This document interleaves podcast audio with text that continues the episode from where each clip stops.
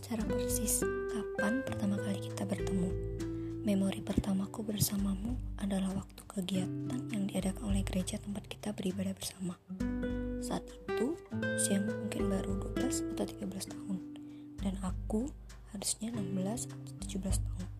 Pendapatku pertama kali tentang kamu, hmm, laki-laki hmm, yang sudah kuanggap seperti adik sendiri, hobinya main futsal. Hmm. Memori kedua yang kuingat adalah ketika kita masuk hutan sudah hampir satu jam, namun tidak ada orang lain yang datang. Aku mulai bertanya-tanya dalam hati, apa yang sebenarnya sedang terjadi. Lalu, kamu dengan polosnya berkata, Aku turun ke bawah untuk cari mereka. Yang aku pikirkan berikutnya adalah, apa anak ini yakin? Apa tidak sebaiknya aku saja yang turun dan mencari? Belum sempat aku memberi jawab, kamu sudah berkata lagi, tunggu ya, dan aku menunggu dengan patuh.